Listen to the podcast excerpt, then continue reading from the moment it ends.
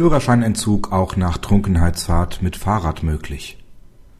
Hat ein Fahrerlaubnisinhaber als Radfahrer mit einem Blutalkoholgehalt von 1,6 Promille oder mehr am Straßenverkehr teilgenommen, darf die Fahrerlaubnis entzogen werden, wenn die Gefahr besteht, dass er künftig auch ein Kraftfahrzeug in fahruntüchtigem Zustand führen wird.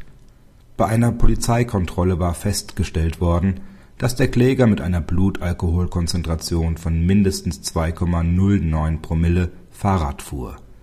In zwei medizinisch-psychologischen Gutachten wurde dem Kläger die Fähigkeit abgesprochen, zwischen Alkoholkonsum und dem Führen von Kraftfahrzeugen hinreichend trennen zu können, da er sein Trinkverhalten nicht hinreichend stabil geändert habe.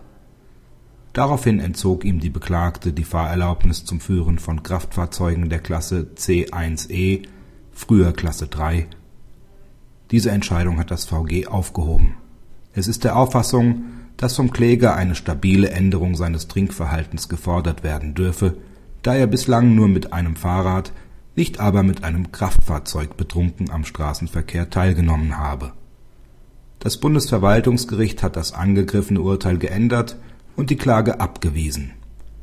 Nach der Wertung der Fahrerlaubnisverordnung begründet auch die Trunkenheitsfahrt mit einem Fahrrad bei einem Alkoholpegel von mindestens 1,6 Promille Zweifel an der Kraftfahreignung.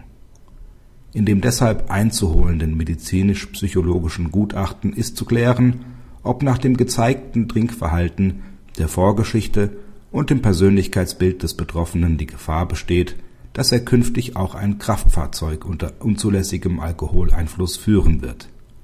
Wurde beim Betroffenen ein chronisch überhöhter Alkoholgenuss und damit einhergehende Unfähigkeit zu einer realistischen Einschätzung der bei einer Teilnahme am Straßenverkehr drohenden Gefahren festgestellt, setzt die Bejahung der Kraftfahreignung regelmäßig eine gefestigte Änderung seines Trinkverhaltens voraus